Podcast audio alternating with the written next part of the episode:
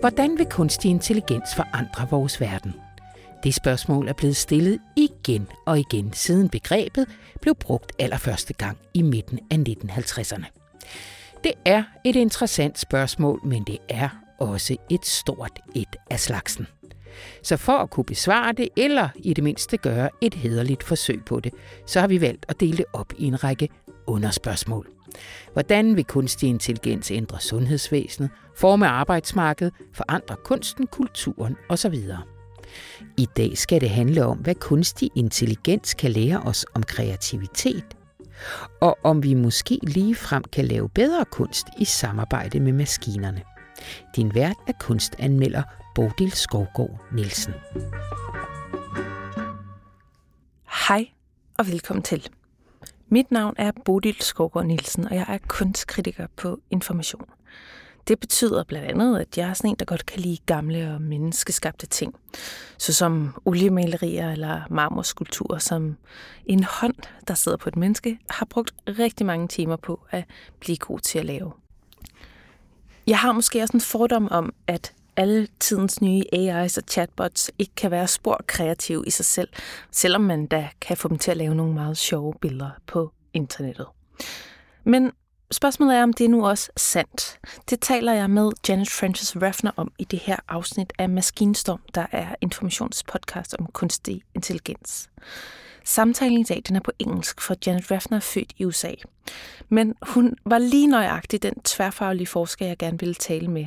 For jeg tror, hun kan overtale sådan nogle lidt kultursnappede typer som mig til at tage AI mere alvorligt.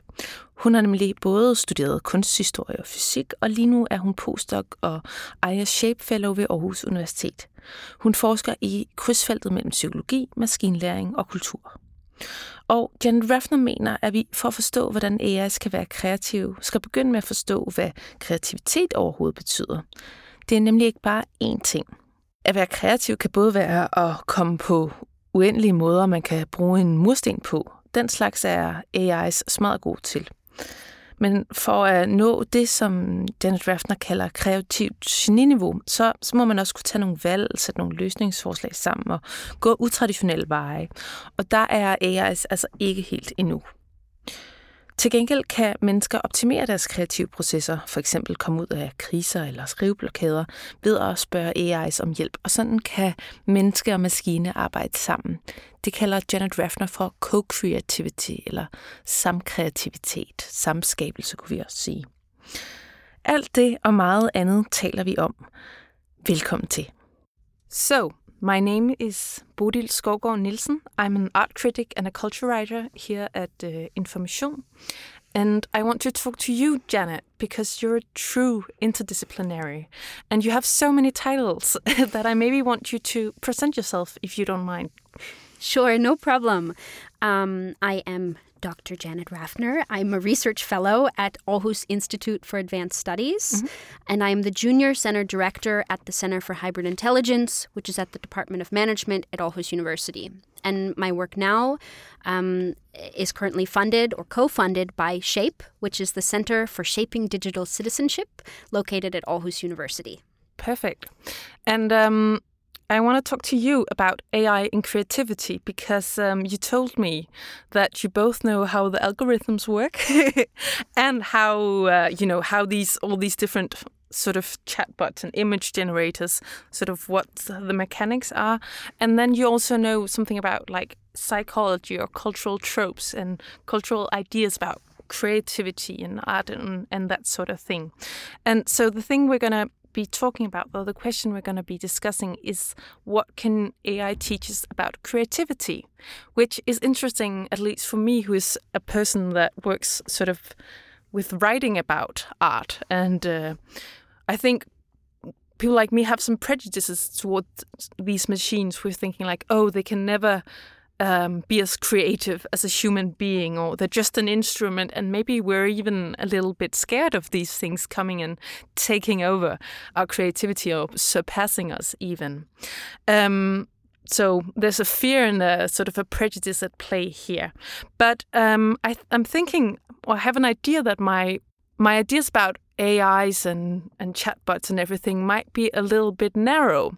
So I'm thinking that maybe you could start by giving me an example of uh, something that's not just an AI reproducing a grocery list or something, something where they actually can be used in a sort of creative way, even. Yeah, absolutely. Um, so, so first, I want to uh, to definitely acknowledge that uh, this fear that you have is um, is totally understandable. I mean, I myself also have a degree in art, um, although I'm not a, a practicing artist now, um, and I I can really understand how um, creative professionals, but in in general, um, many people are concerned about AI maybe taking over their job and uh, what what uh, I think um, I like to say to that is that people, I, I, don't think that an AI will take over the job, but I think that maybe someone who understands and can use AI could be someone who would take the job. Mm. Um, so it's, it's, less about the AI itself, but more the understanding of it and being able to use it uh, appropriately. Um, but that's AI in general. uh, specifically with respect to creativity, I think um, most people, as you said, are familiar with these chatbot interfaces, ChatGPT. We all probably use it at this point, or have at least tried it or seen someone use it um, to to produce some text. So in some sort of writing uh, experience, like uh, writing an email to someone you don't really want to write an email to, or uh, helping create content for your your website.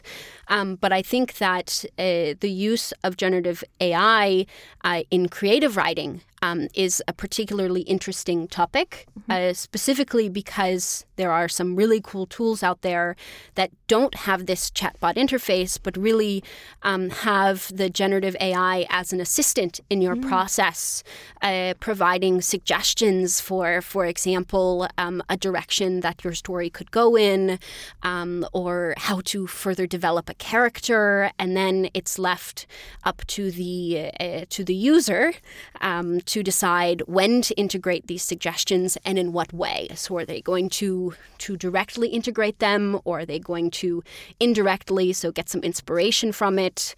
Um, so if I'm, let's imagine that like I'm a writer and I'm writing this big novel and I'm at sort of a standstill and I want to I don't know if I should kill off my main character or get them married or something. The AI can come with different suggestions or yeah, absolutely. So I mean, there's a publicly available tool called Sudowrite mm-hmm. um, that I became familiar with with uh, my master's student Ida Hansen when we were doing a study on uh, amateur creative writers mm-hmm. and how they use generative mm-hmm. AI. Um, and in this uh, in this tool uh, provides such suggestions. In this particular tool, it's only text based, but there's also some really cool new technology that's still in development mm-hmm. um, that provides, for example uh, text and images and sound bites. Um, so you could imagine you're trying to figure out what to what to do with this. Um, uh, this participant or with this uh, member in the story, and then you ask for a suggestion, and then the AI will provide the sound of rain or something like that. And then you're mm. left to be inspired by that or a picture of an elephant. And uh, then you're left to decide, oh, okay, this is going to take me in one direction or another. Absolutely. So, um, what I'm sensing is uh, also that there are uh, some, let's say, misconceptions uh, about AI. And what I want to ask you is like, can an AI then be creative in itself? Good question. so that is definitely a, a question of the hour. Um, but uh, before I uh, address the question about misconceptions of AI and mm. creativity, I think it's really important to address the misconceptions about creativity mm. itself. Um, so broadly people consider uh, creativity to be uh, an item which is both novel and valuable, or someone who can create such items that are novel and valuable. Um, but it's actually much more nuanced than that. Mm-hmm. It has to do with, for example, your creative self beliefs. So, do you think that you can make something mm-hmm. creative? Mm-hmm has to do with your motivation, openness to experience, um, cognitive and neurocognitive abilities. Um, a culture. so something creative in one culture isn't necessarily creative mm. in another. So a, a, an example would be like Jackson Pollock splatting paint all over uh, uh, a canvas would be maybe considered creative in a Western culture, whereas other people might think of it as, you know, making a mess. Yeah, exactly. And then, uh, I mean, most of these things have had to do with individual creativity, but then it's also important to consider group mm-hmm. creativity. So, what happens in teams uh, for for that, those uh, dynamics?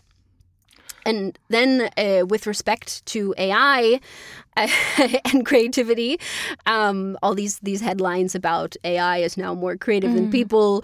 Um, it sort of parallels this this push um, for putting our generative algorithms to the test against mm. standard tests for people. Uh, for example, the U.S. bar exam, or now it's saying, okay, AI can be a doctor, a test to pass these tests.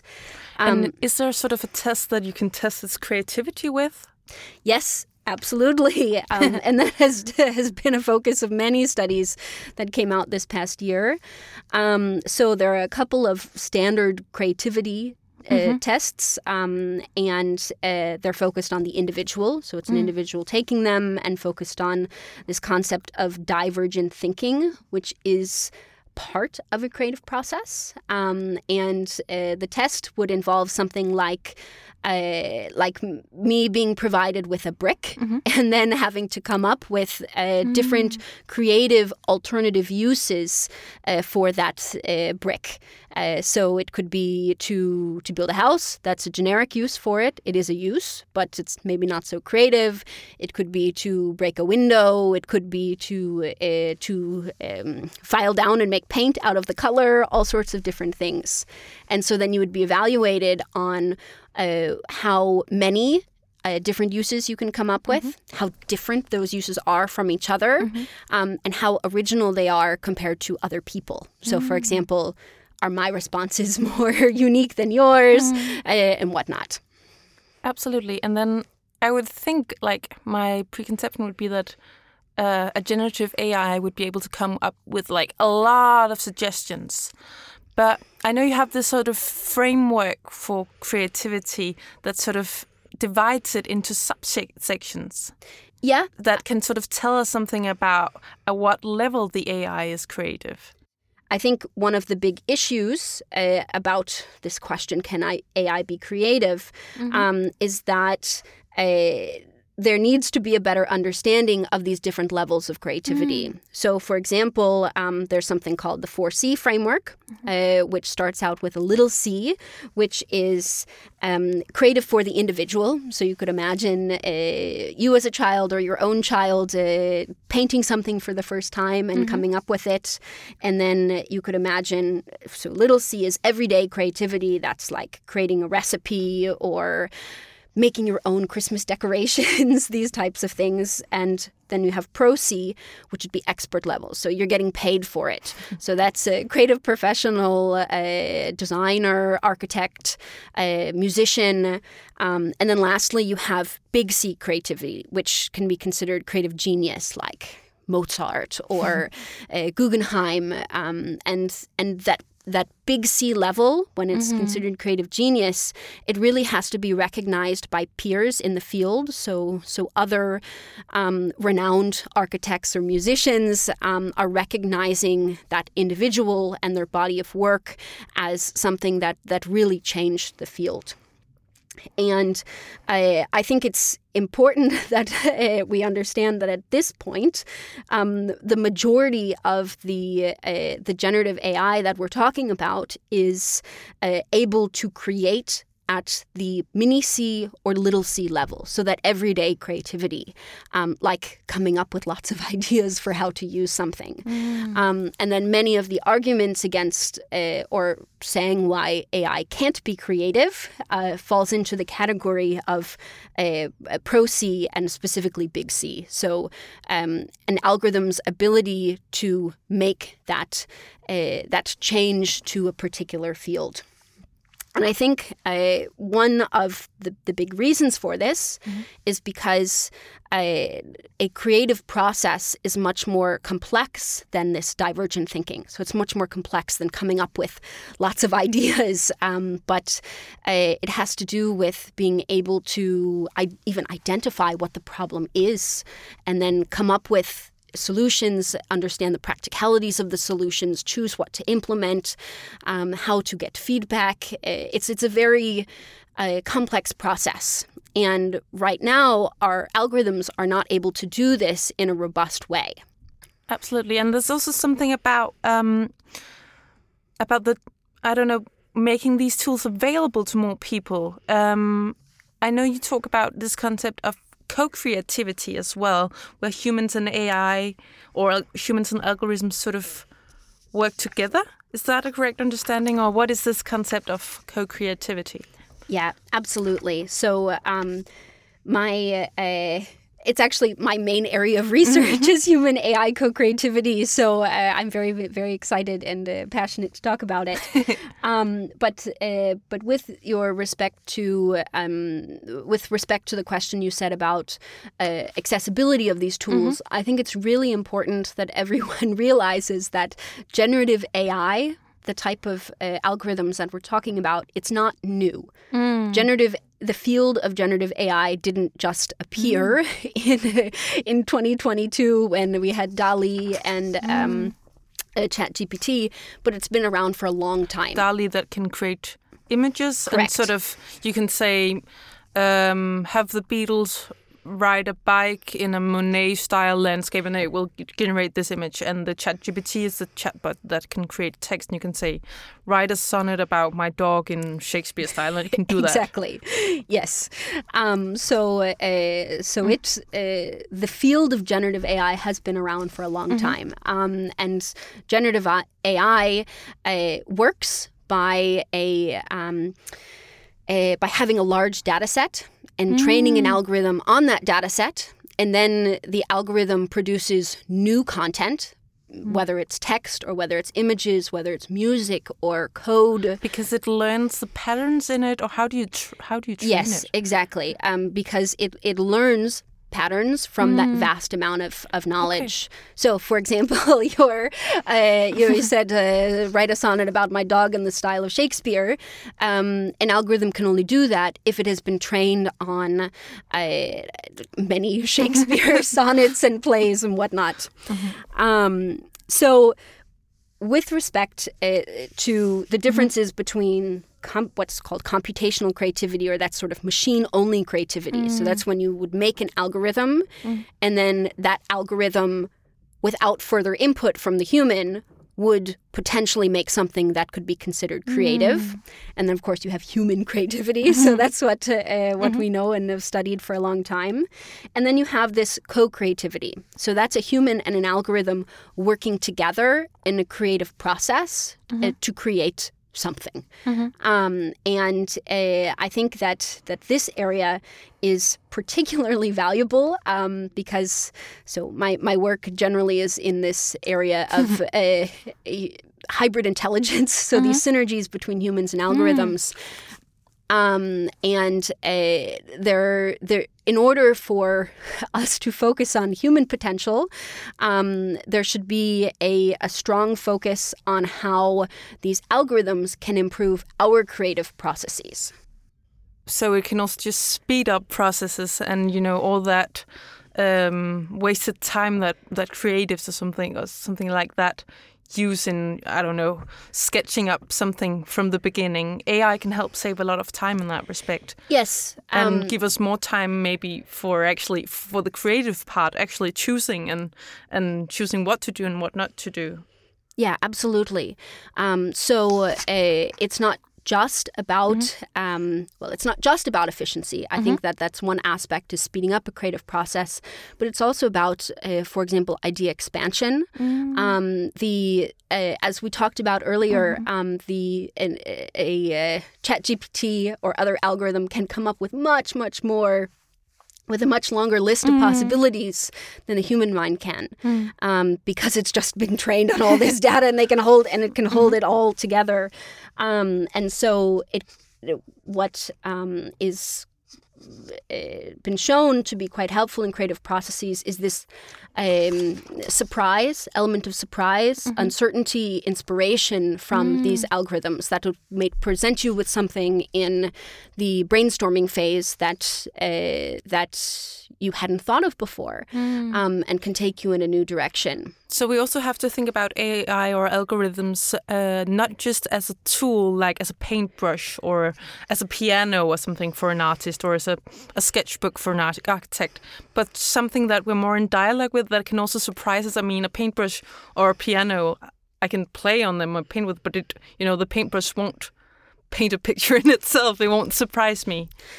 Yeah, absolutely. Um, so this actually gets to mm-hmm. a, a really important question, mm-hmm. um, and it's something that we don't have answers for yet. Mm-hmm.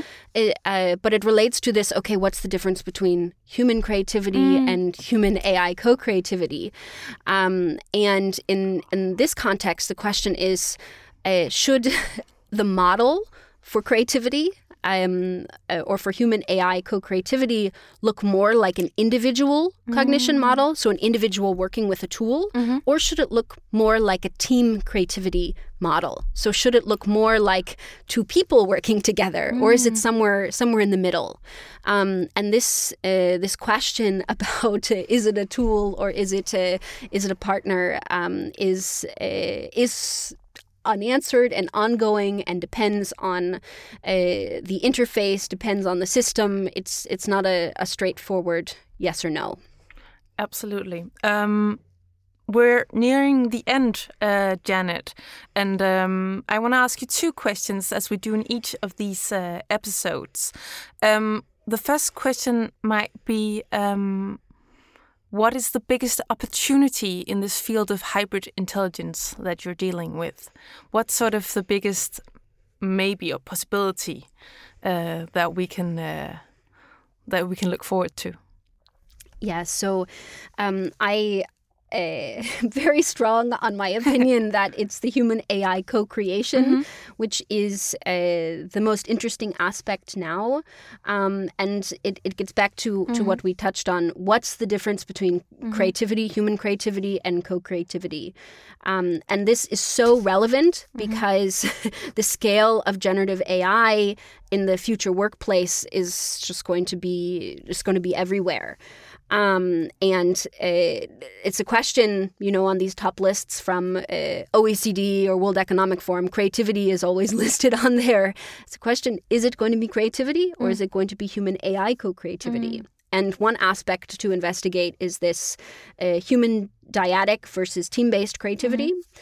Um, but another question uh, is whether or not um, the benefits of engaging creative activities, like their physical and their mental health benefits, personal, social, etc., does someone still get those benefits mm. if they're engaging in co creativity?